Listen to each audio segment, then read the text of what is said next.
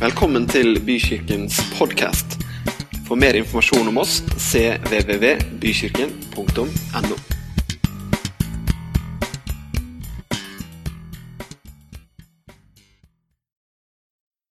Men eh, god formiddag, eh, alle dere som sitter og ser på. Eh, Jeg skal, skal dele noen tanker med dere denne formiddagen. Noen minutter.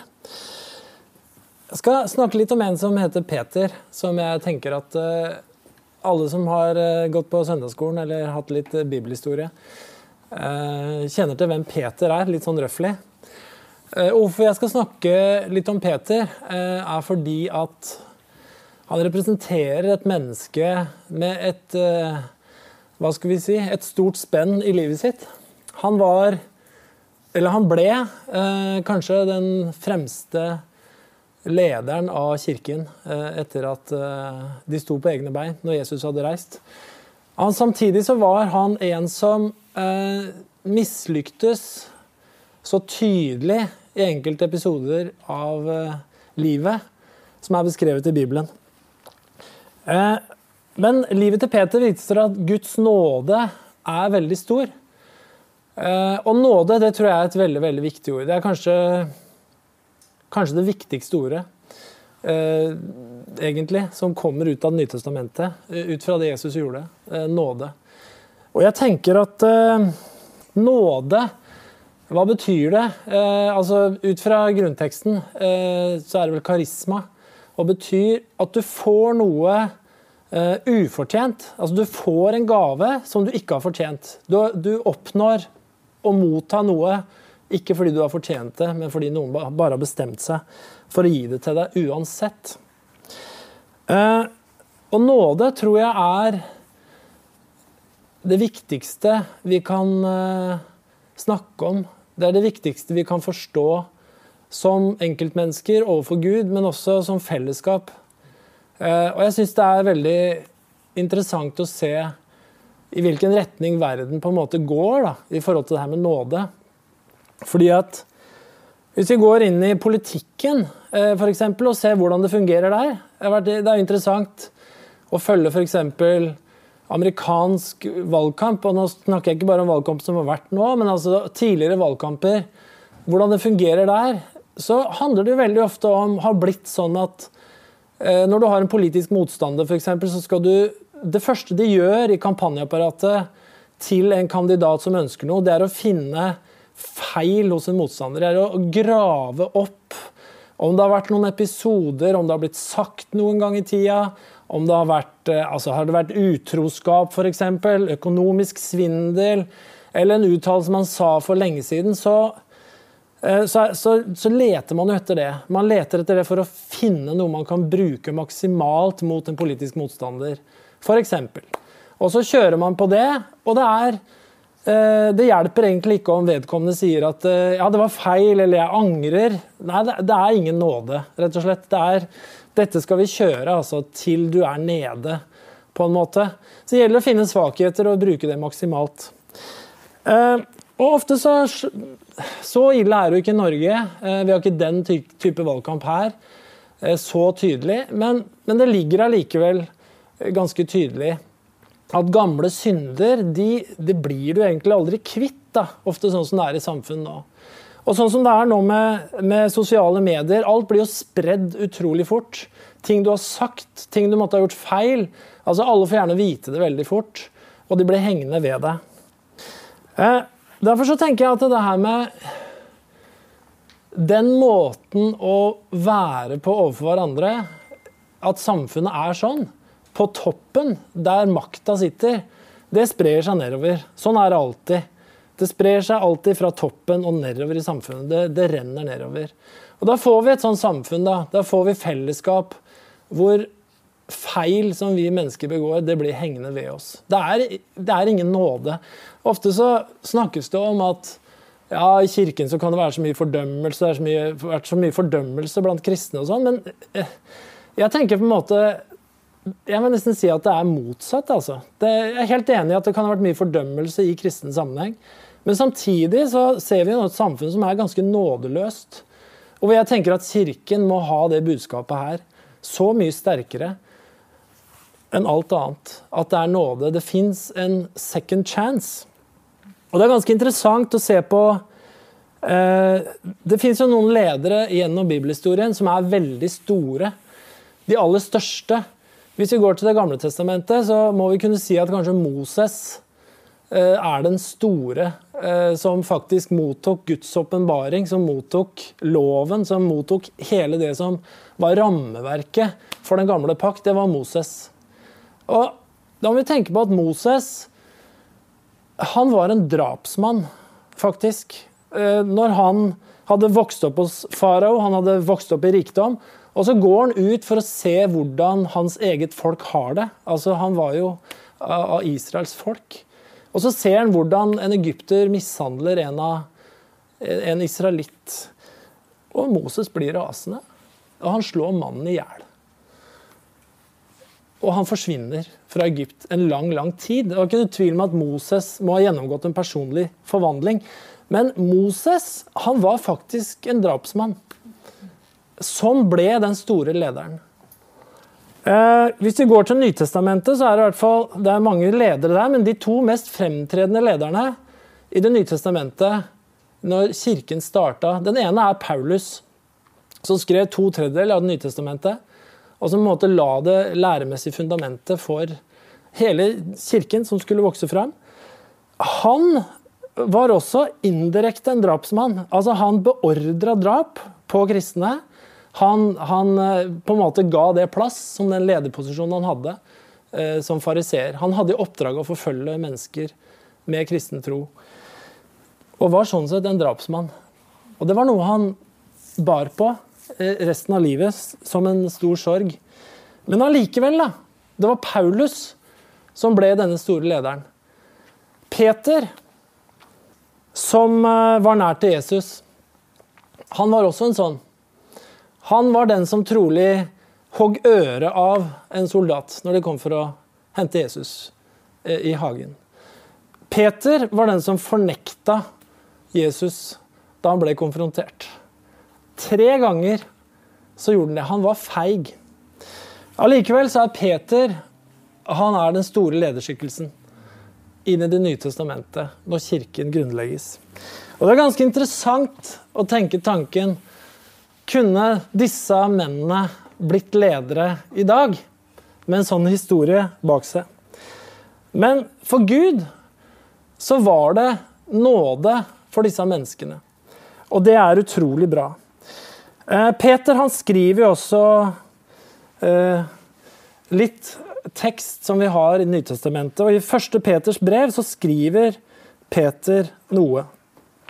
I første Peters brev så er Jesus han er hjørnesteinen.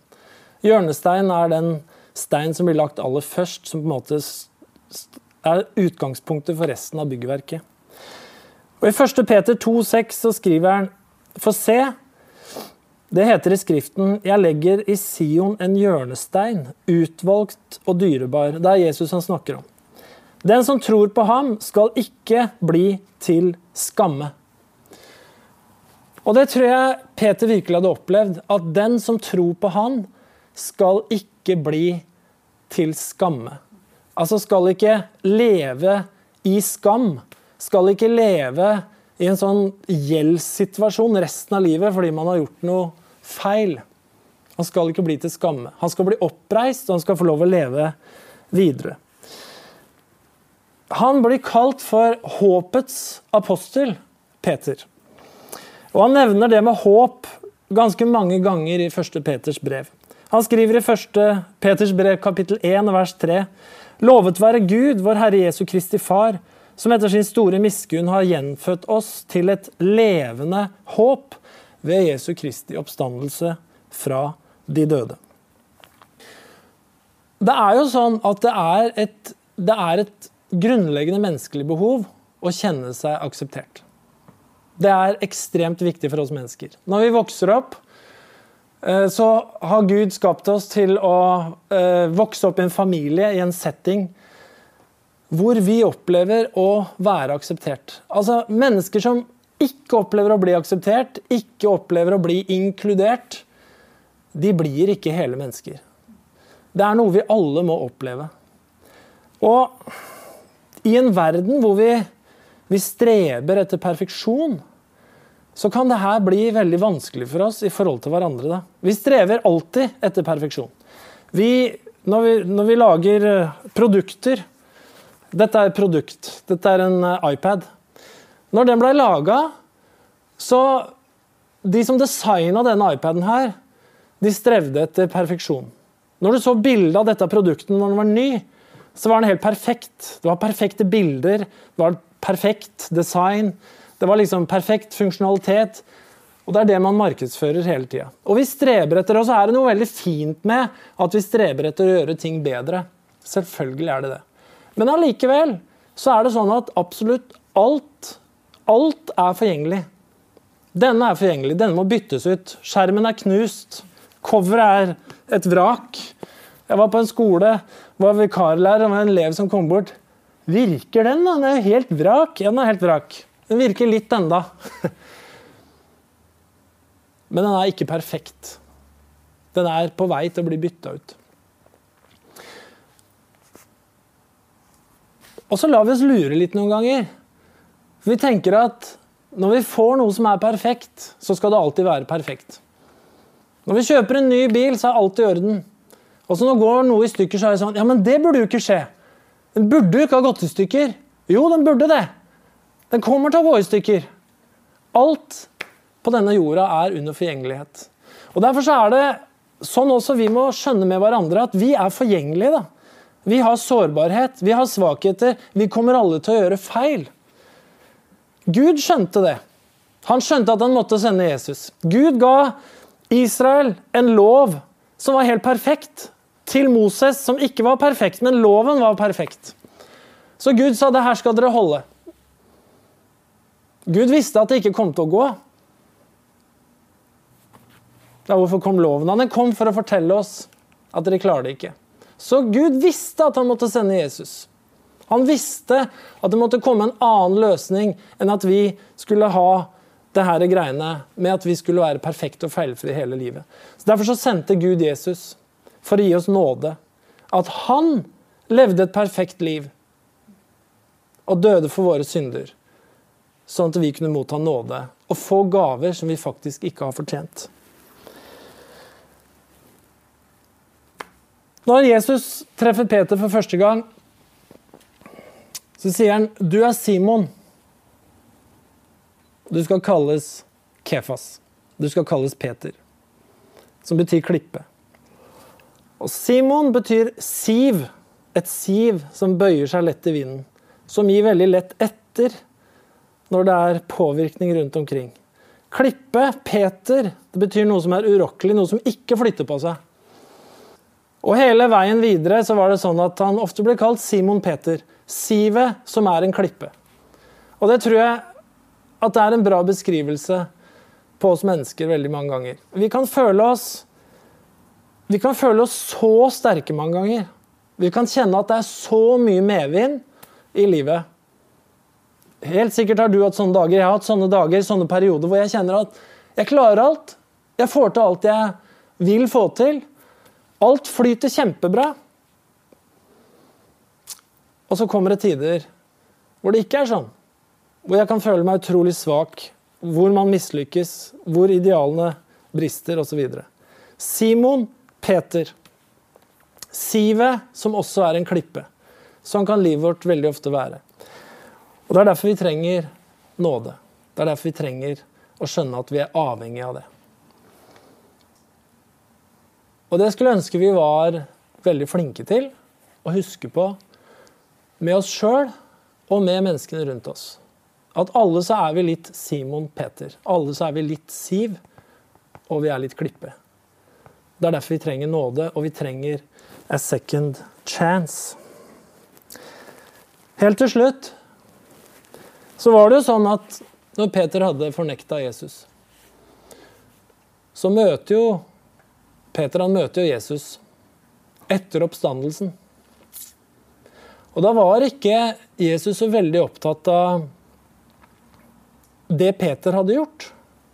Han var ikke så veldig opptatt av å konfrontere Peter med Jaså, du, du klarte ikke å stå imot trøkket, liksom. Du, du fornekta meg. Det var ikke det Jesus var interessert i. Det Jesus spurte om tre ganger, det var Simon. For da brukte han nemlig navnet Simon. Elsker du meg? spurte han. Ja, Herre, du vet at jeg elsker deg. Og det svarte han ja til like mange, mange ganger som han hadde fornekta Jesus. Tre ganger. Og det var det Jesus var interessert i. Elsker du meg? Og det er det han fortsatt er interessert i. Det er ikke om du og jeg klarer å leve fullkomne liv i alt og ett. For det gjør vi ikke. Men han er interessert i det ene spørsmålet hvor er hjertet ditt? Elsker du meg fortsatt? Og hvis svaret på det er ja, så er det bra. Da er det bra nok. Herre, vi takker deg for at du kom for å gjøre alt fullkomment som ikke vi kunne oppnå, Herre. Vi takker deg, Herre, for at du kom og levde et fullkomment liv, og at du ga det livet videre til oss. Takk for at du har tatt alle våre feil, alle våre mangler, alle våre feilsteg, alle våre synder med deg i graven. Og takk for at du har gitt oss nåde, Herre. Takk for at du også hjelper oss til å ta imot nåde og til å gi nåde, Herre. Og at du minner oss om, i en verden som kanskje stadig blir hardere med hverandre, og setter stadige krav som ikke noe menneske kan klare å fylle opp. At du minner oss om å være fulle av nåde der hvor vi går i denne verden, som lys og salt. Det ber vi om i Jesu navn. Amen.